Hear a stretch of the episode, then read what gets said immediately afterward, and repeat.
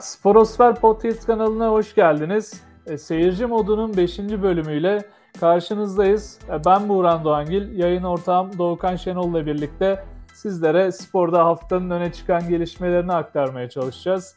E, biliyorsunuz seyirci modu Sporosfer Podcast kanalının sevilen içeriklerinden bir tanesi. Bizleri takip ettiğiniz için öncelikle siz değerli dinleyen, dinleyenlerimize çok teşekkür ediyoruz.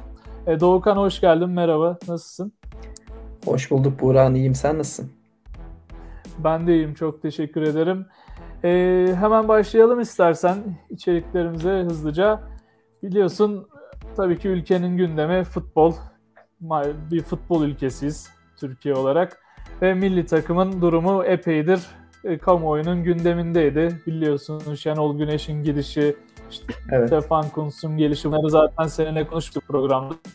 E, Kuntz geldikten sonra ilk e, deneyimlerimizi yaşadık Dünya Kupası elemelerinde. Önce e, Norveç ile karşılaştık. Daha sonra da Letonya ile karşı karşıya geldik deplasmanda. E, ilk maç Norveç'i adeta elimizden kaçırdık diyebiliriz. Çünkü Norveç'in eksikleri vardı. Bizim mutlak kazanmamız gereken bir maçtı. E, öne de geçtik aslında. Ama skoru tutamadık. Maalesef hani içeride Norveç'i yenemeyerek büyük bir avantajı teptik. Fakat tam umutlar bitti derken e, Letonya maçının sonunda gelen penaltı golüyle tekrar hayata tutunduk. E buna da şey diyebiliriz değil mi? Bir Türkiye milli takımı klasiği diyebiliriz. Hani böyle evet, artık tabii, tabii. Üçlü, üçlü beşli yani... ihtimallerin arasından hani çıkmaya çalışacağız yine. Ama bu sefer sanki eski yıllara göre daha karışık değil değil mi? Daha az karışık. Norveç'in bir maçta mağlup olmasını bekleyeceğiz. Evet yani burada e, sen yayına şey dedin bir futbol ülkesiyiz diye aslında biz bir son dakika ülkesiyiz bence. Yani her şeyde artık e, Dünya Kupası elemelerinde, Avrupa elemelerinde her şeyimiz son dakika. Baktığımızda Selçuk İnan'ın e, Dünya Avrupa Kupası elemelerinde attığı o en iyi üçüncü olarak çıktığımız zamanki durumu da kimse unutmuyor. Şimdi burada da iş biraz e, oraya doğru kaymaya başladı. Bir son dakika ülkesi olarak her işimizi son dakikaya bırakıp Dünya Kupası'na katılma şansımızı da son maçlara doğru e, itiyoruz. Bakalım. Ya tabii dediğin gibi burada işler biraz daha şimdilik basit. O da nasıl basit? Grupta Norveç'in 2 puan gerisindeyiz. Norveç'in maç kaybedip bizim e, hiç kaybetmemiz, bütün maçlarımızı kazanmamız lazım. Norveç bu takdirde biz kazanırsak Norveç bir maç kaybederse ikinci olarak gruptan çok rahat bir şekilde çıkabiliyoruz Hollanda'nın ardından. Burada da işte biraz içimizi ferahlatan şey, yani ferahlatmaktan ziyade aslında umutlandıran şey son maçın Hollanda ile olması Norveç'in. Norveç son maçını hmm, Hollanda ile oynayacak. Gerçi Hollanda daha rahat o maç nasıl bir maç olacak izleyip göreceğiz. O maçta 16 Kasım'da, Kasım'ın ortasında oynanacak. Biz bütün maçlarımızı kazanır mıyız? Umarım. Takımda öyle bir görüntü var mı? Bunu birazdan seninle konuşacağız. Senin de düşüncelerini merak ediyorum. Ama bit, umutlar bitmiş değil. E, Stefan Kuntz'un da maç sonunda çok güzel açıklamaları oldu. O açıkçası beni çok tatmin etti ve böyle bir anlayışın milli takım başında olmasından çok mutlu oldum. Onları da birazdan konuşacağız. Senin diyeceklerin yoksa o şekilde devam edelim. Ee, şöyle Stefan Kuntz demişken onun da maç sonunda gözyaşlarına hakim olamadığını Tam gördük. Tam gelecektik evet.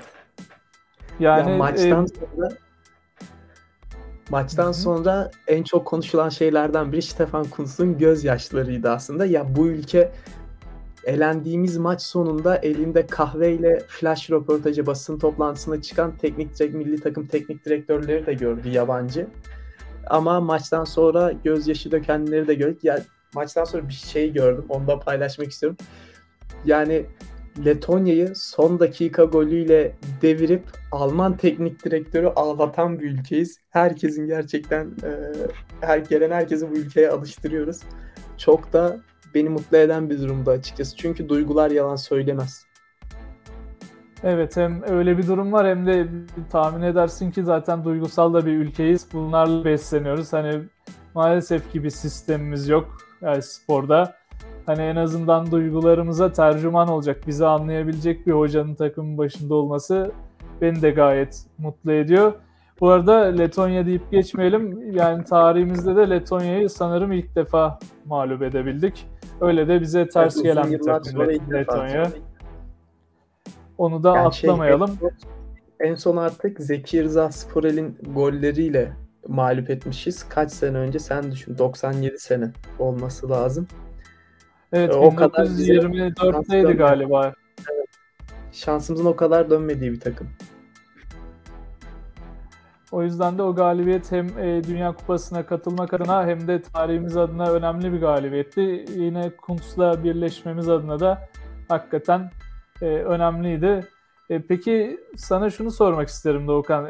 Kuntz'un hani tamam milli takıma gelmesi bir şeylerin değişeceğine dalalet ediyor gibi ama daha çok yeni olduğu için bazı ufak eleştiriler de var. Tabii zaten hani bizim medyada eleştirilmeyen insan yok ama yani Kuntz e, Şenol Güneş'in kadrosuna yakın bir kadroyla aslında bu iki maça çıktı.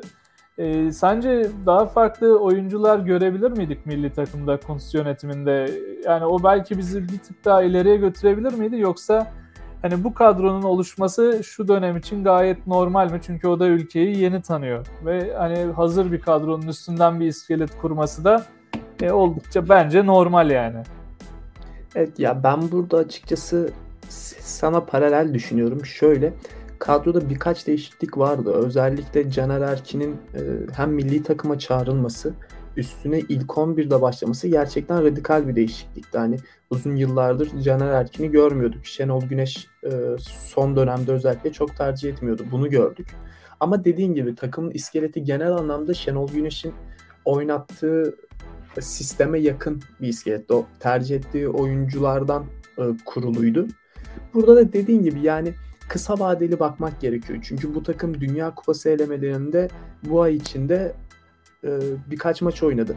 Şenol Güneş zamanında son döneminde talihsiz maçlar geçirsek de bu e, oyuncular birbirine alışmış oyuncular. Birbiriyle beraber oynamış. Bu Dünya Kupası elemelerinde aynı sistem içinde, aynı saha içinde bulunmuş oyuncular. O yüzden ben aynı omurganın devam etmesini çok yadırgamıyorum açıkçası. Ama şu var. Biz bu jenerasyona gerçekten altın jenerasyon olarak bakıyorduk. Yani bu jenerasyon gerçekten bir şeyler yapacak. Özellikle Avrupa Kupası'nda beklentimiz çok fazlaydı. Ama ilerleyen dönemlerde ben Stefan Kuntz'un bu Caner Erkin gibi e, veya Serdar Dursun milli takıma çağırması gibi ses uyandır, yankı uyandıran değişiklikleri yapacağını ve bunların artacağını düşünüyorum. Ama şu aşamada Şenol Güneş'in getirdiği e, kadroda çok çok çok ciddi radikal değişiklikler yapmak yerine böyle birkaç değişiklikle e, davranması bence mantıklı ve akıllıcaydı açıkçası. Yani zaten aynen dediğin gibi o eğer bütün iskelet değiştirmeye kalksa zaten o kadar büyük yani geniş bir havuzumuz yok. E, bir de bunu yaparak büyük bir risk almış olacaktı elemelerde. Onu da yapmak hakikaten böyle tabiri caizse intihara eşdeğer olur. Çünkü zaten yabancı bir hocasınız. E, takım kötü gidiyor. Bir de böyle radikal değişiklikler gelip de üstüne başarısızlık gelseydi o Kuntz belki şu anda topa tutuluyor olacaktı ama şu an e, bütün kamuoyu Kuntz'u sahiplenmiş gibi görünüyor. Şimdi evet, Norveç ya, maçına özel... Ya şunu Kısaca söyleyeyim çok pardon. Sen söyleyeceklerini söyle. Hı? Şunu söyleyecektim yani bahsettiği ya söylediği çok güzel bir şey var aslında.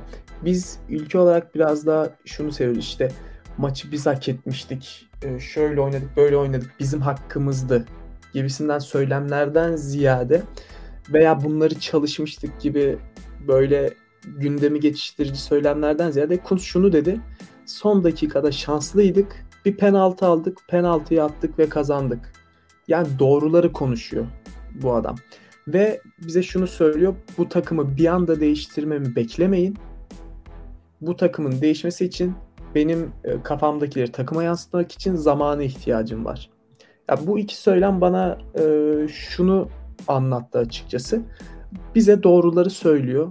Bize duymak istediğimizi değil, gerçekleri anlatıyor. O yüzden biz biliyorsun hani e, duymak istediklerimizi duyunca daha çok birilerini sahipleniriz, daha çok e, yanında dururuz. O yüzden Stefan Kuntz'un böyle açık açık doğruları konuşması benim hoşuma gitti. E, evet yani evet aslında çok da şey oldu makul ölçüde e, bizim için iyi oldu. Böyle hani Alman bakış açısı diyeyim.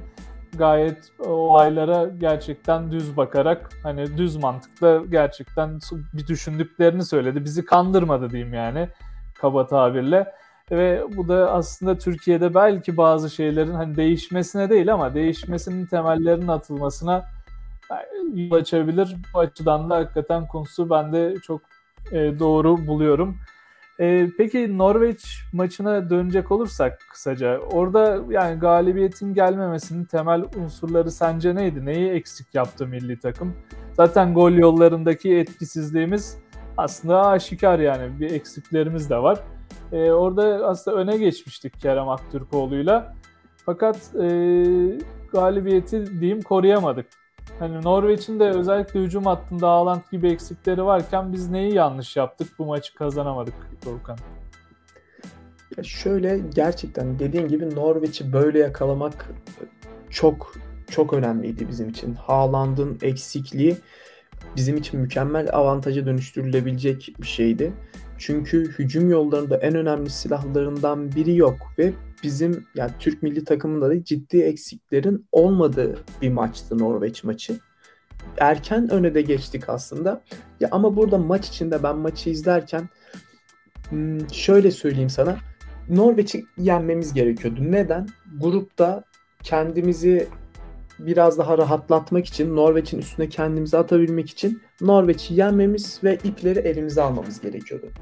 Ama biz sanki Norveç ya maçı Norveç'ten 2 puan geride değiliz de e, biz Norveç'in önündeyiz gibi rahat bir oyun sergilendiğini gördüm. Oyuncular hani sağ içinde bu refleksi gösteremediler bence.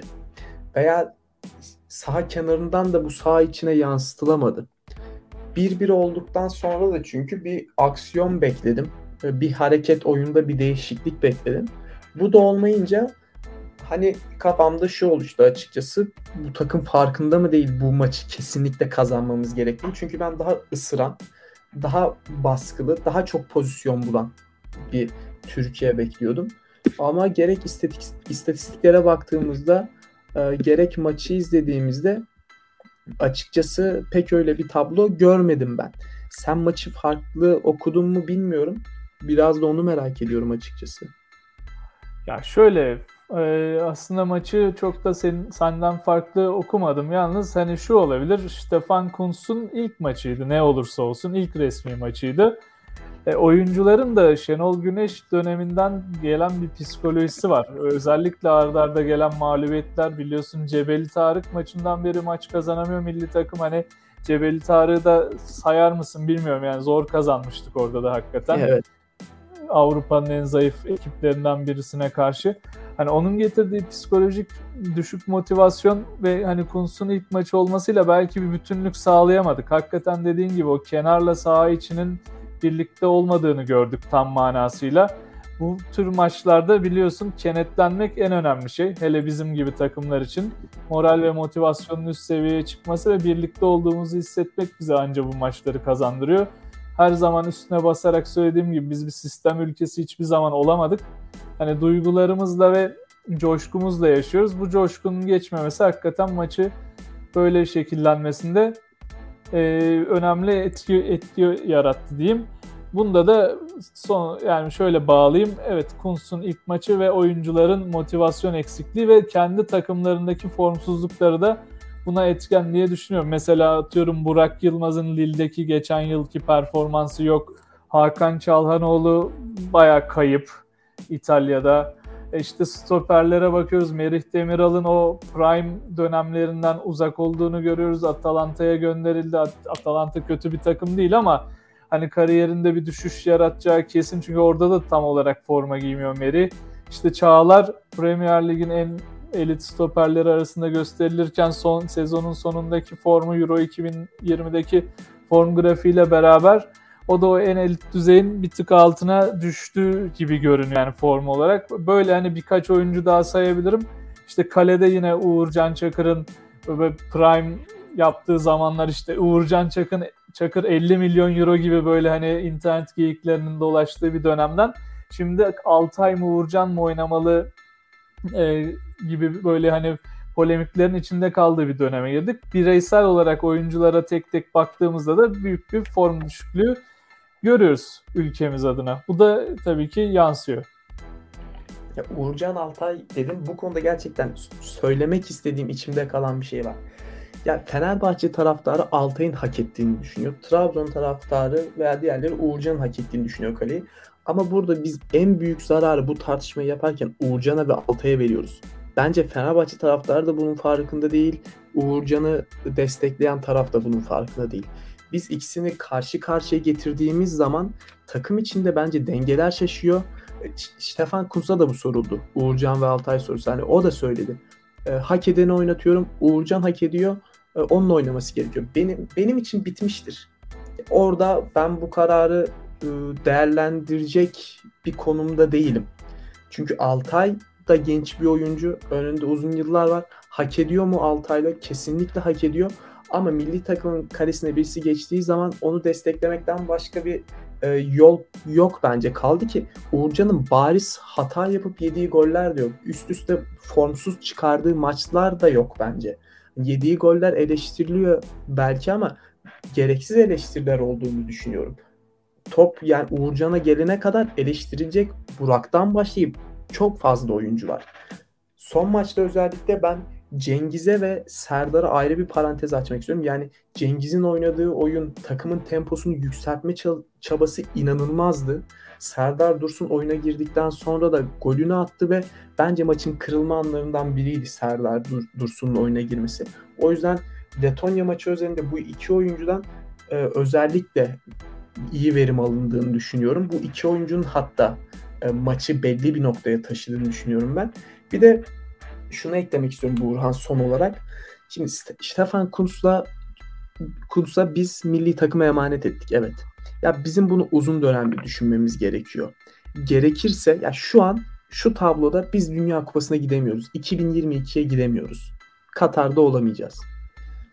Bunu içselleştirip bunu benimseyip biz bu adama takıma emanet ediyoruz.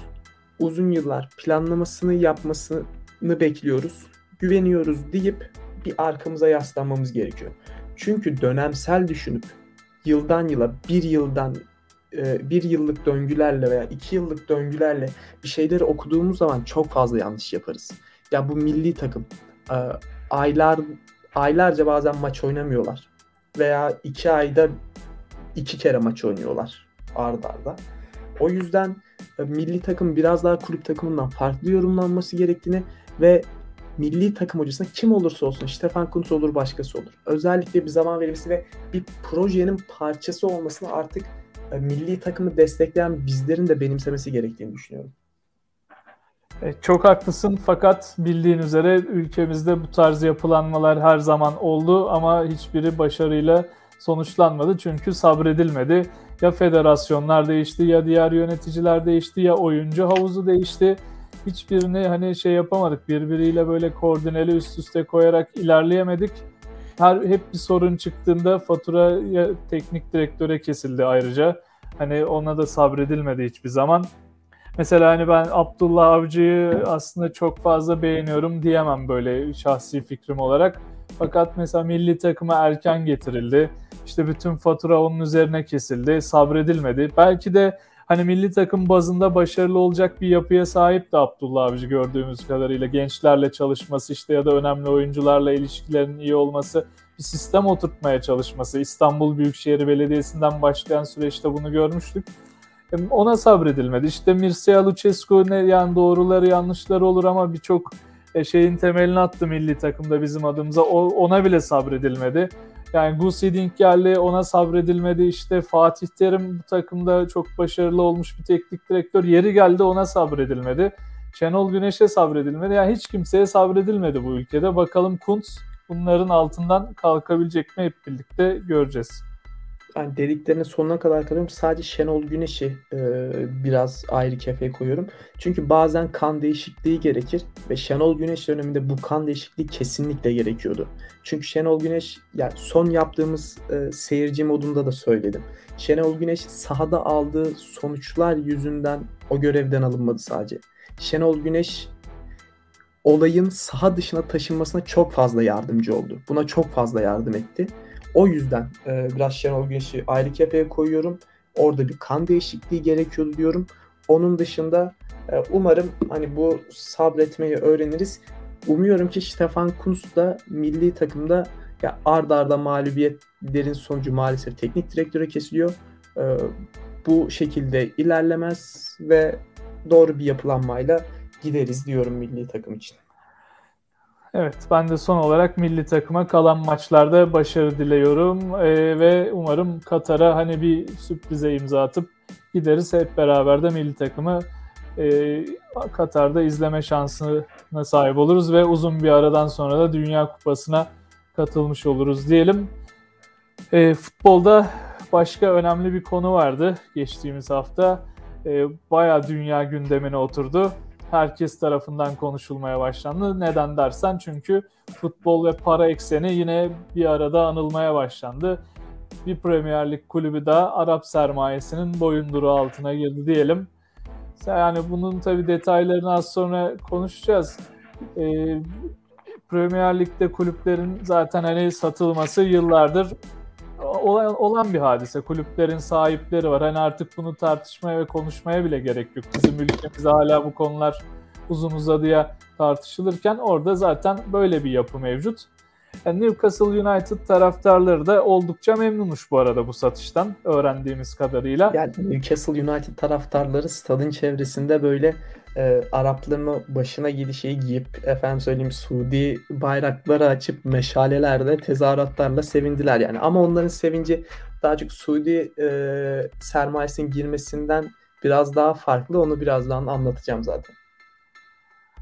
Evet, ya, e, Suudi sermayesi girmesinden farklı olabilir ama 1,5 milyar euroluk bir transfer bütçesi ayıracağını söylemesi de Muhammed Bin Salman'ın yani bunda etkili olmuştur diye tabii, tabii. düşünüyorum. Yine e, kulübün ortaklarından ve bu herhalde işin aracılarından bir tanesi değil mi? Amanda Stively. E, o da yaptığı açıklamalarda hani transfere yönelik bir takım olmayacaklarını ilk etapta hem tesise hem kulübün altyapı kaynaklarına da para ayıracaklarını söyledi. Ama zaten 1,5 milyar euro bir transfer bütçesi işte el, ellerinde o kadar çok para var ki Muhammed Bin Salman biliyorsun şeyden Manchester City'nin sahibinden 10-15 kat daha zengin bir adam. Tabii. Yani tamam ona da ayırırlar para ona da ayırır. Her şeye ayıracak paraları paraları vardır mutlaka. Diyorsun. Hepsine yeter. E bu da bakalım Kuzey ekibini İngiltere'nin Kuzey ekibinin yeniden eski öyle Alan Shearer'lı günlerine döndürecekmiş aşağılı günlerine. Muhtemelen kadro olarak onu geçerler ama başarı gelecek mi bakalım hep birlikte göreceğiz. Bakın Şimdi sen... Big Six'ten Big, Six, Big Six'ten kurtulup Big Seven diyecek miyiz artık? Onun için biraz zaman var gibi ama e, sen sporosfer.com'da bununla ilgili bir yazı da yazdın Doğukan. Geçtiğimiz evet. günlerde yayınlandı. O yüzden biraz hani pası sana atıp bırakacağım çünkü sen bu konuda gerçekten hani yetkinsin. Biraz daha böyle bu işin detaylarını senden öğrenelim. Hani hem ticari boyutunu hem de e, Newcastle United'da ne gibi değişiklikler olacak bu satış işlemiyle birlikte. Teşekkür ederim çok. Dediğin gibi e, sporosfer.com'da bu konuyla alakalı süreci anlattığım yazıyı dinleyenler de bulabilirler.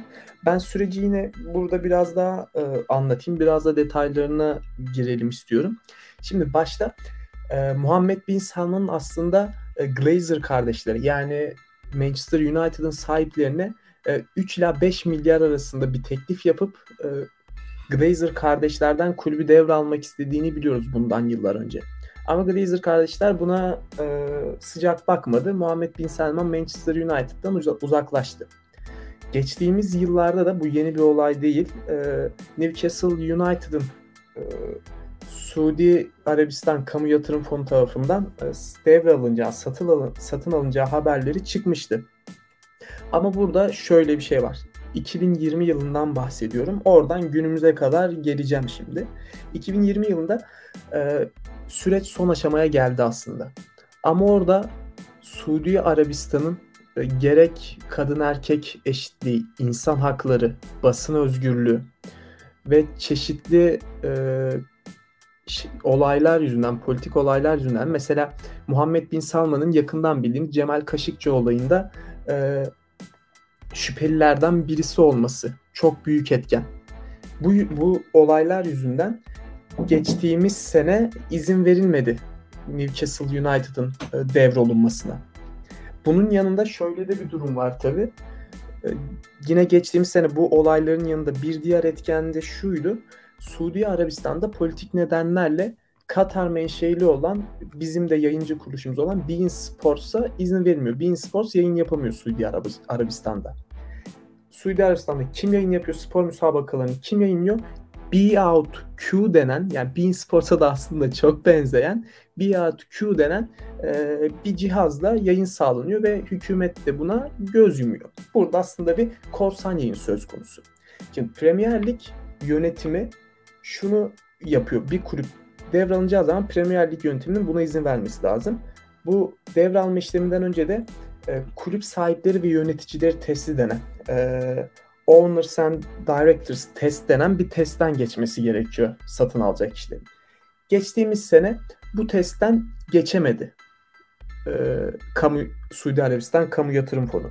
Premier Lig yönetim avukatlarından Adam Lewis de hani sürecin tahkime götürüleceği tahkimde eğer bu satın alacak kişiliğin, tüzel kişiliğin Suudi Arabistan devletinden ayrı bir e, organ olduğuna karar verilirse bu satışa izin vereceklerini söyledi. Ama zaten bu tahkim süreci başlamadan süreç sona erdi. Az önce senin de bahsettiğin Amanda Steele devreye girince işte her şey birden değişti. O zaman sürecin daha baş, ya başarıyla sona eren, eren bir sürece evrildiğini görüyoruz. Bir kere Suudi Arabistan Bein Sports'un yayınlarına izin verdi. Bein Sports'un ambargosunu kaldırdı Suudi Arabistan'da. Bu bir kenarda. Bunun dışında geçtiğimiz günlerde Premier Lig'in yayınladığı duyuruda da gördüğümüz üzere Premier Lig yönetimi Suudi e, Arabistan hükümetinin kesinlikle e, Suudi Arabistan kamu yatırım fonuyla bir bağın olmayacağını, daha doğrusu Suudi Arabistan hükümetinin kulüp yönetimine karışmayacağı, bu ikisinin ayrılacağına dair yasal ve bağlayıcı güvenceler verildiğini açıkladı. Şimdi bu güvenceler verilince bu devralma da gerçekleşti. Kim devraldı bu sefer? E, Main Newcastle United'ı. Suudi Arabistan Kamu Yatırım Fonu %80 pay sahibi. Bu kamu yatırım fonunun başında da Muhammed Bin Selman var, Veliaht Prens. %10'luk bir hisse Amanda Stivley'e ait bu satın almaya aracılık yaptığı için. %10'luk bir hisse de Ruben Brothers dediğimiz e, bir şirket sahibi olan e, Ruben kardeşleri temsilen daha doğrusu oğulları Jamie Ruben'e ait. Şimdi taraftar konusuna gelelim. Dedim ki hani e, Arap sermayesinin almasından ziyade daha farklı bir yönü var. Daha farklı yönü şu. Kim alırsa alsın kulüp kulübün eski sahibi Mike Ashley'di. Mike Ashley'den başka kim bu kulübü alırsa alsın e, taraftarlar sevinecekti. Çünkü son yıllarda kulüp yani Newcastle United İngiltere futbolunun köklü kulüplerindendir. Ama son 8 yılda iki kere küme düştüler. Üstüne stadın ismi Mike Ashley'nin sahibi olduğu şirketin ismiyle değiştirdi. Sport Direct Arena yapıldı. Şimdi bunlar taraftarların e, taraftarlık duygularıyla oynayan şeylerdir. Stat isminin özellikle değiştirilmesi. O yüzden taraftarlar Mike Ashley'den başka kim olursa olsun buna sevinecekti. E tabi yani e, 320 milyon euroyu bir satın alma gerçekleşip Muhammed Selman gibi bir sermayenin e, satın alması, yatırım yapması çok çok çok mutlu etti taraftarı. Orası ayrı. Amanda Stivley'nin açıklamalarına geleyim en son olarak da. Çok konuştum biraz kusura bakma. Ama orada şöyle Amanda Amanda Stivley transferden ziyade kulübün tesis durumuna dikkat çekiyor. Kulübün akademisine dikkat çekiyor. İlk bu iki kaleme dikkat çekiyor ve kulübün tesislerinin iyi durumda olmadığı, oraya ciddi bir yatırım yapılacağı, ikincisi akademinin önemli olduğu, çocuk yetiştirmenin yani öz kaynak yaratmanın bir kulübün e, en büyük sermayesi olacağını söyledi.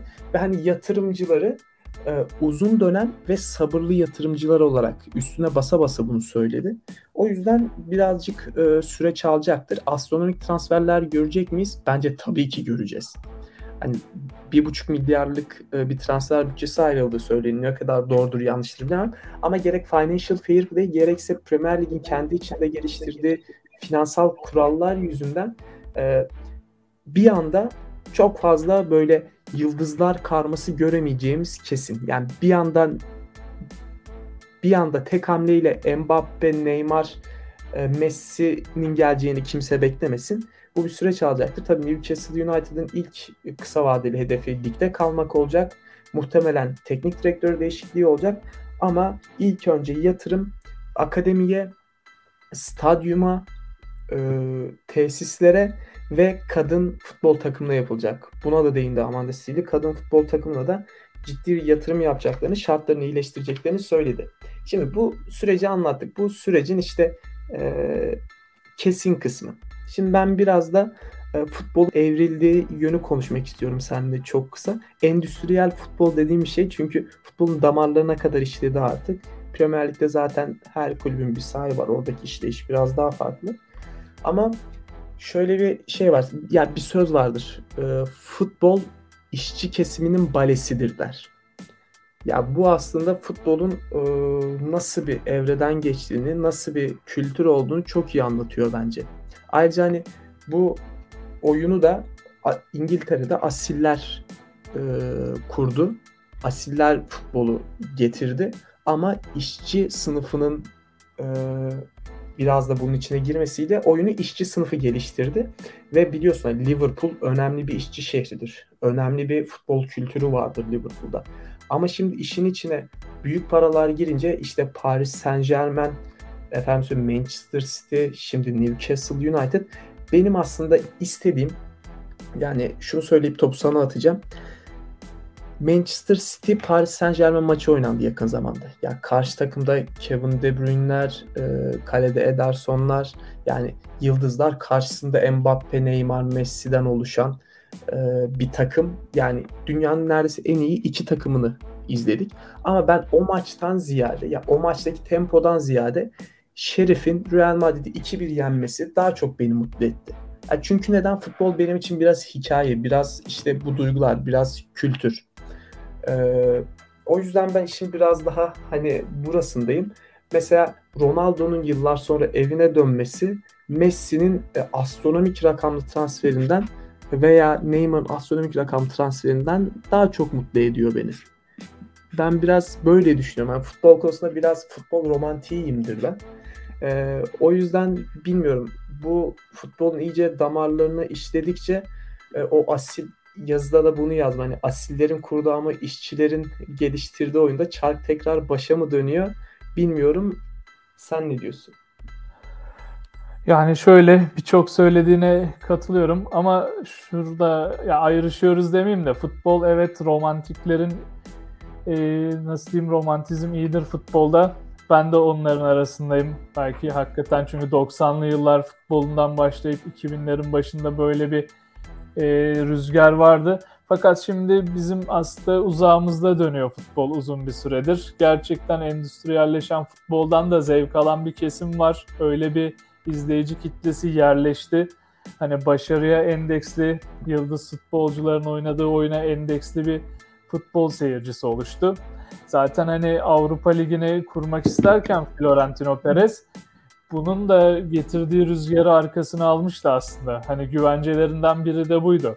O kadar hızlı bir tüketim var ki bütün sporlarda özellikle hani dünyanın en önemli spor organizasyonu olduğu için futbol onda. Ee, insanlar uzun futbol müsabakaları yerine işte kısa maçlar izlemek istiyor demişti Perez. Evet, evet çok haklısın ya. Çok kısa şunu söyleyeceğim. Hani sık sık gözümüzün önünde olan şeyleri çabuk tüketiyoruz. Avrupa Süper Ligi'ne benim karşı çıkmamın en önemli sebebi buydu. Ben sürekli Manchester ve Paris Saint Germain işte ayda bir, iki ayda bir karşılaş, karşılaşsın istemem de Şampiyonlar Ligi kurallarında ya City kimi çekecek acaba?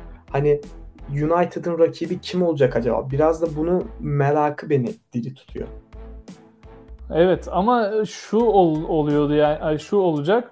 Ee, şimdi nereye bağlayacağım konuyu? Muhammed Bin Selman gibi kulüp sahipleri arttıkça Perez'in bu ligi kurma iştahı daha da kabaracak bence. Çünkü Kesinlikle. gerçekten büyük yatırımlar koyan sahipler bir süre sonra bunların karşılığını elde etmek isteyecekler.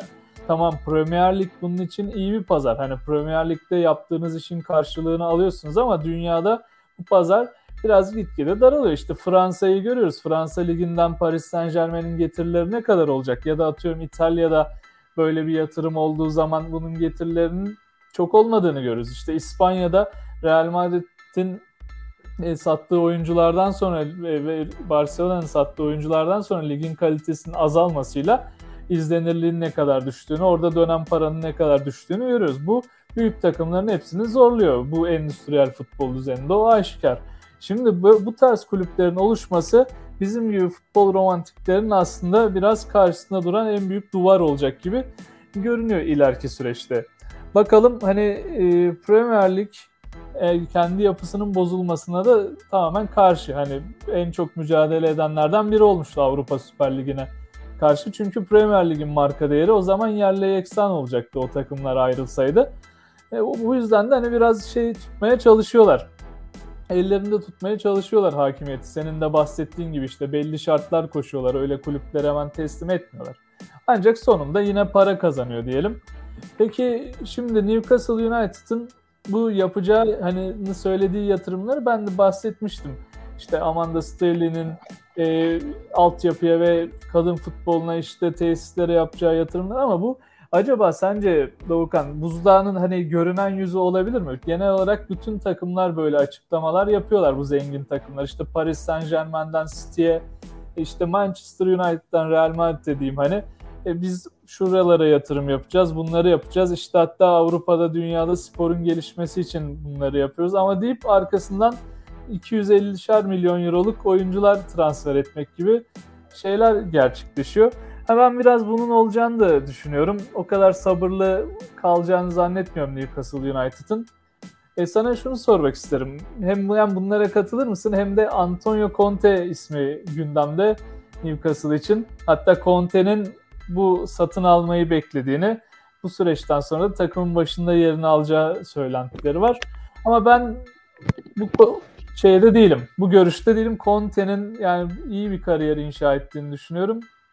Ve Newcastle'da bu kariyeri riske atacağını sanmıyorum. Çünkü önünde önemli rakipler olacak Premier Lig'de. Newcastle'ın ne kadar parası olsa da yapılanma birkaç yıl sürecektir. Orada başarı gelmeyecektir. Conte bu topa girer mi? Bence girmez ama sana da bir danışmak istedim bu konuda. Ne söylersin? Ya ben hani sondan başlayayım teknik direktör konusunda. Şu anda Newcastle United'ın başına gelecek kişi bir geçiş sürecini yönetecek. Çünkü birden e, hayal edilen kadro kurulmayacak. Kurulamaz. Çünkü neden? Regülasyonlar, kurallar, talimatlar buna izin vermiyor. Bir anda o kadar fazla paranın harcanmasına Financial Fair Play izin vermiyor. Ha, Financial Fair Play e, kimler herkes Financial Fair Play'de eşit midir bütün kulüpler? Bunu oturup tartışırız. Ama dediğim gibi e, bir anda bu kadar fazla transferin yapılacağını ben de sanmıyorum. Conte konusunda da dediğim gibi bir geçiş süreci olacak bence. Conte'nin bu kariyerdeki bir teknik adamın o geçiş sürecinde kendini yani kendi ateşten gömleği giyeceğini, geçiş sürecinde kariyerini harcamayacağını düşünüyorum. Getirilen teknik direktör biraz daha farklı bir vizyonda olacak bence. O yüzden senin dediklerine katılıyorum ben de. Ee, bir de şöyle bir şey vardı. Tabi bu bizim basında çıktı da e, Fatih Terim gelecek. ya bir şey diyeyim mi? Keşke gelse ben hani bu ligin üretimi olan hocaların ve oyuncuların yurt dışına gitmesine ve orada iyi bir izlenim bırakmasını çok istiyorum. Hani Cagne gittiği zaman e, Premier Lig'e başarılı olsun o kadar istedim ki. Çünkü neden? O zaman Türkiye pazarına yöneliyor insanlar. buradan çıkan oyuncular gerçekten geldiğinde iş yapabiliyor diyor. Veya buradan çıkan hocalar iş yapabiliyor diyor. O zaman bizim e, yurt dışına verdiğimiz e, şey de artıyor. Yurt dışına verdiğimiz e, değer de artıyor. Onların buraya bu pazara daha fazla girmesini sağlıyoruz. Bu da neye e, fayda sağlıyor, neye hizmet ediyor? Türk sporuna hizmet ediyor. Burada kazanan taraftar oluyor, kulüpler oluyor. O yüzden keşke Fatih Terim Newcastle'ın başına geçse de başarılı olsa. Şimdi katıl, o da... katılıyorum. Evet, son bir şey. Ama yani şeyden dolayı ben biraz yani güldüm. Yanlış anlaşılmasın. Fatih Terim yanlış bilmiyorsam 67-68 yaşında. Hani bu süreci götürmek için biraz fazla yaşlı sanki. Hani atıyorum 10 yıllık bir planlama Fatih Terim üstünden yapılabilir mi o? Biraz hayalcilik gibi geldi bana. Yani Fatih Terim haberlerinin ne kadar temelleri vardır ben de senin gibi pek ihtimal vermiyorum. Yani çünkü Fatih Terim'in artık zaten Fatih Terim de aynı şekilde Galatasaray'da 3 yıllık süre istediğini ve bir planlama yaptığını söylüyor. Bunları söylerken e, özellikle Galatasaray'la böyle özdeşleşmiş bir figürün kulübü bırakıp gideceğini düşünmüyorum. Bir yana oraya getirilecek kişinin de Fatih Terim profilinde bir kişi olacağını sanmıyorum. Bu da bir yana. Şimdi Newcastle United tarafı böyle. Bilmiyorum senin eklemek istediğin başka bir şey var mı? Yok. Ama hani e, biz şimdi bu programda sporun bütün e, dallarını böyle bir seyirci gözüyle yorumluyoruz. O yüzden e, lige ara verildiği dönemde milli takımı konuştuk. Özellikle bu Newcastle olayını konuştuk. Şimdi gelelim Formula 1 motor sporları, sporları tutkunlarının e, aylardır heyecanla beklediği Formula 1 İstanbul yarışına. Sen bu yarışı yakından takip ettin. Şimdi burada da benim sana sormak istediğim bazı şeyler var. Ama sen ilk başta istersen söylemek istediklerini söyle. Benim kafamdaki soru işaretleri biraz fazla.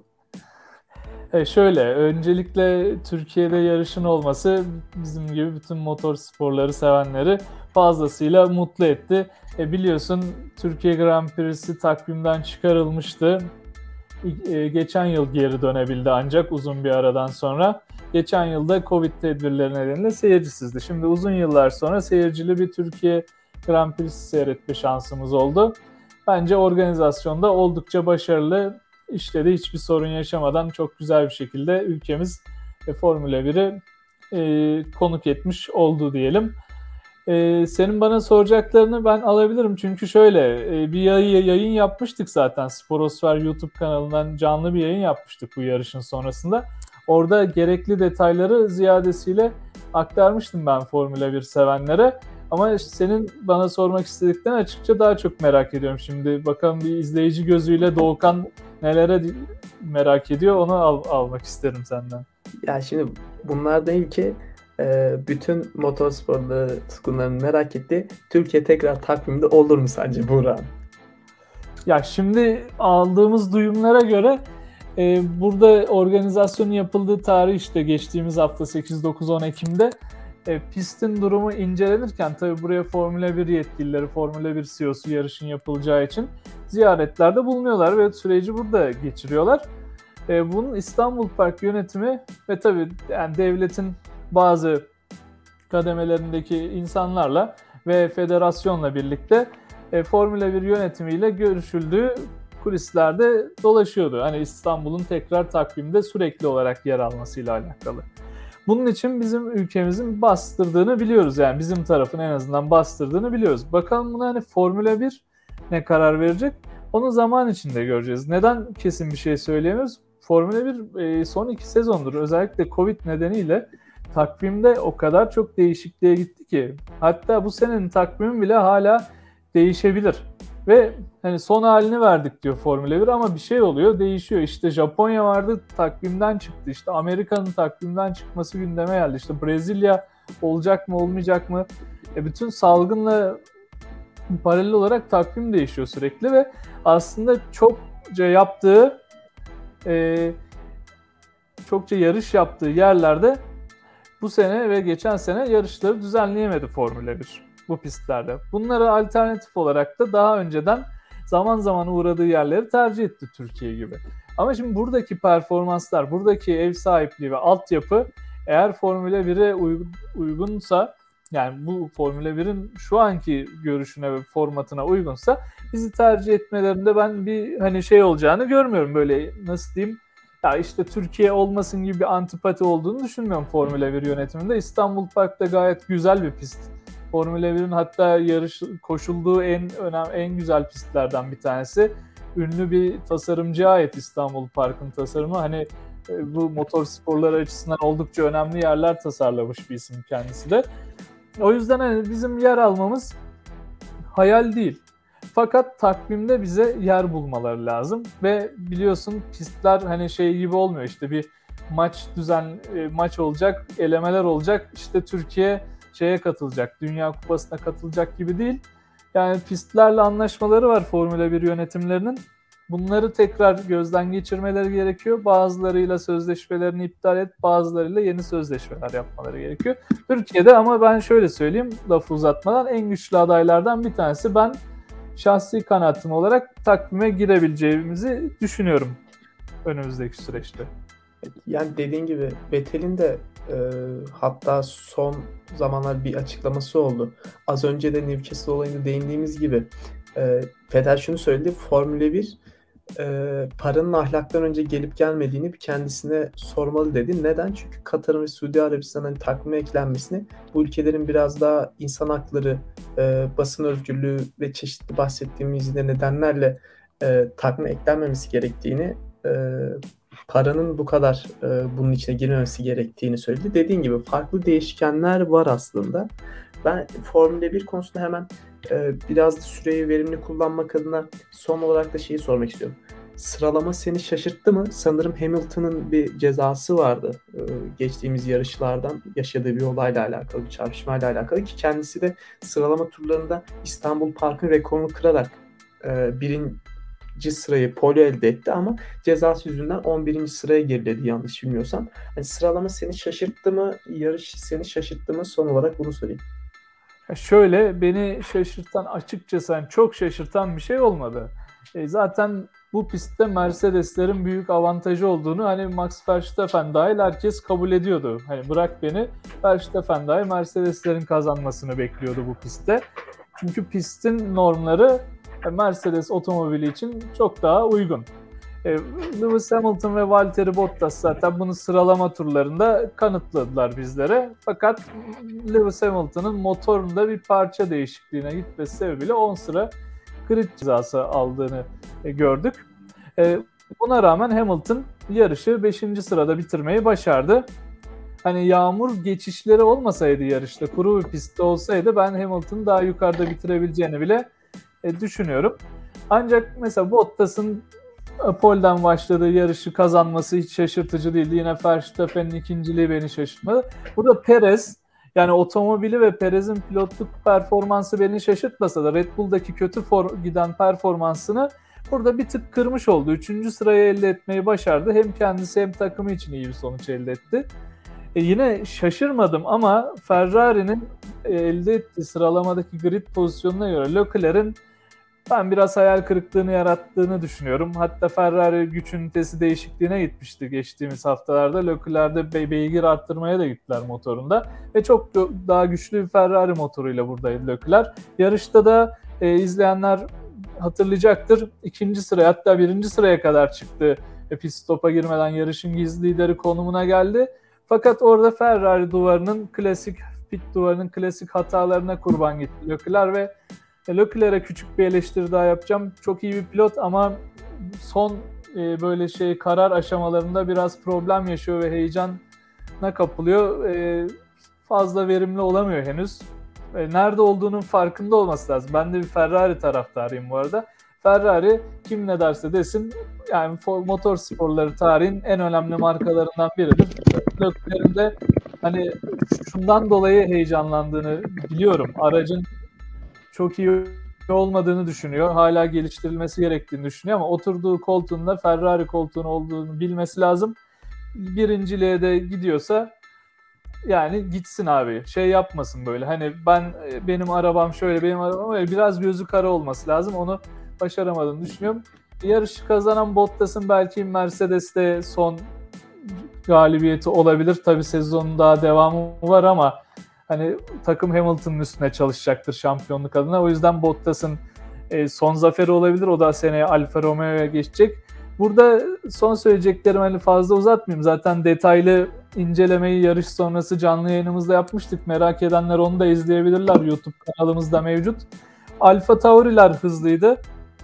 Onlar bayağı başarılı performans gösterdiler. Aston Martin'de bir tık hayal kırıklığı yaratan hani önde gelen kulüplerden oldu diyeyim yani takımlardan oldu burada konuşacağımız. Aston Martin geriye giderken Alfa Tauri'nin biraz ileriye gittiğini gördük.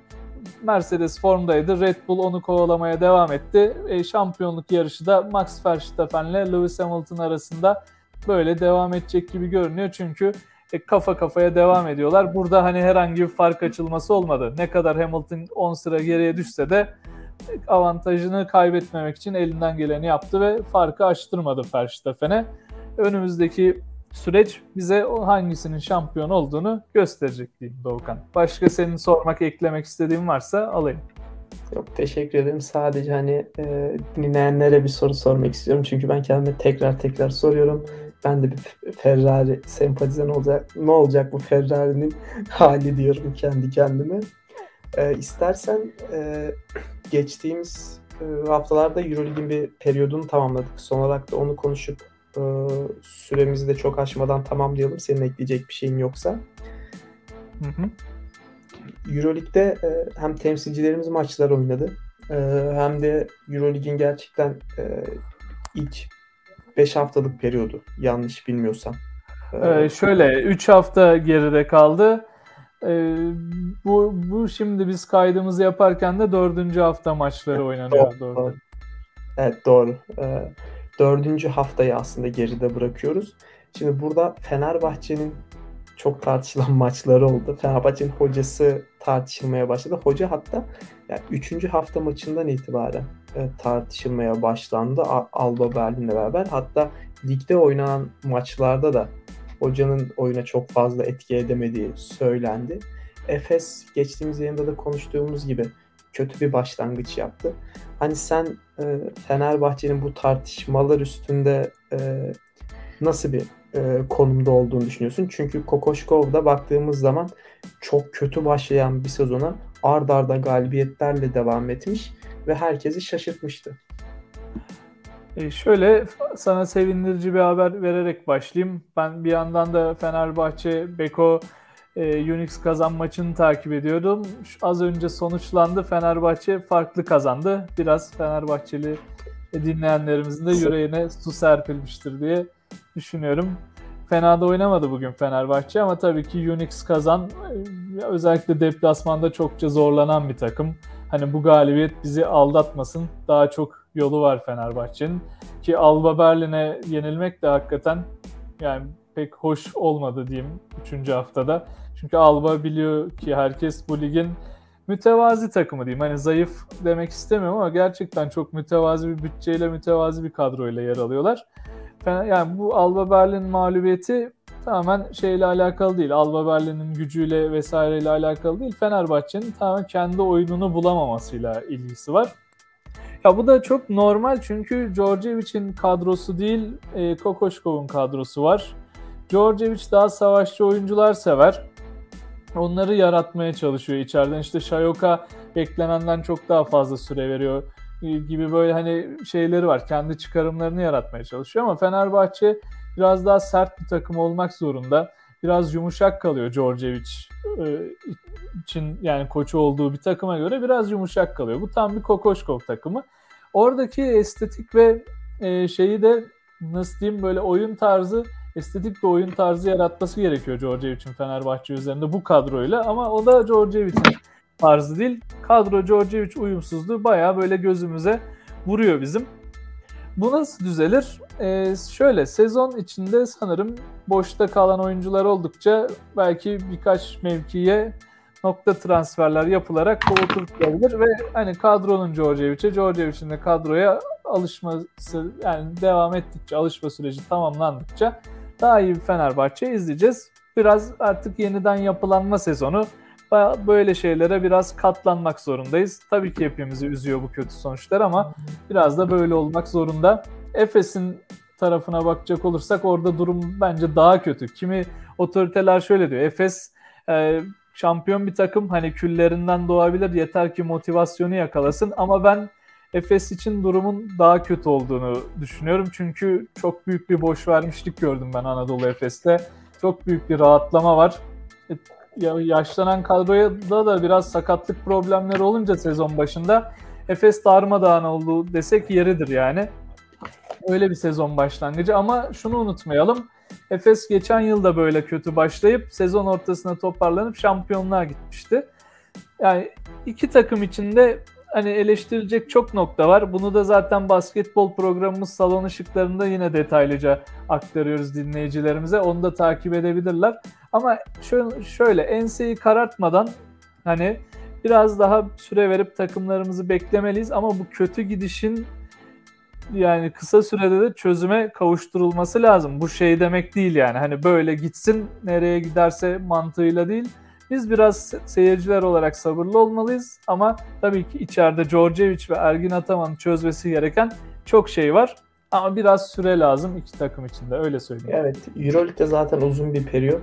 Ee, şu an daha çok erken ama görüneni biz e, konuşuyoruz. Bize e, vaat edileni, e, ileriye dönük yorumlarımızı konuşuyoruz. O yüzden bence de biraz beklemek gerekiyor. Euroleague uzun bir periyot olduğunu hatırlamak gerekiyor. Bu arada tekrar hatırlatalım dinleyenlere de. Hani senin de içinde olduğun salon ışıkları programında e, basketbola dair e, daha detaylı e, şeyler konuşuluyor. Ben de takip ediyorum. Elinize sağlık. Çok güzel bir iş çıkarıyorsunuz Teşekkür orada. Teşekkür ederiz hani, Volkan. Bunun meraklıları da bir oraya da uğrayıp salon ışıklarından e, dinleyebilirler diyelim. Evet hem NBA hem Euroleague konularıyla çok detaylı şekilde salon ışıklarındayız. Burada da e, sanırım bugün konuşacaklarımızın sonuna geldik değil mi Doğukan? Yanlış bilmiyorsam.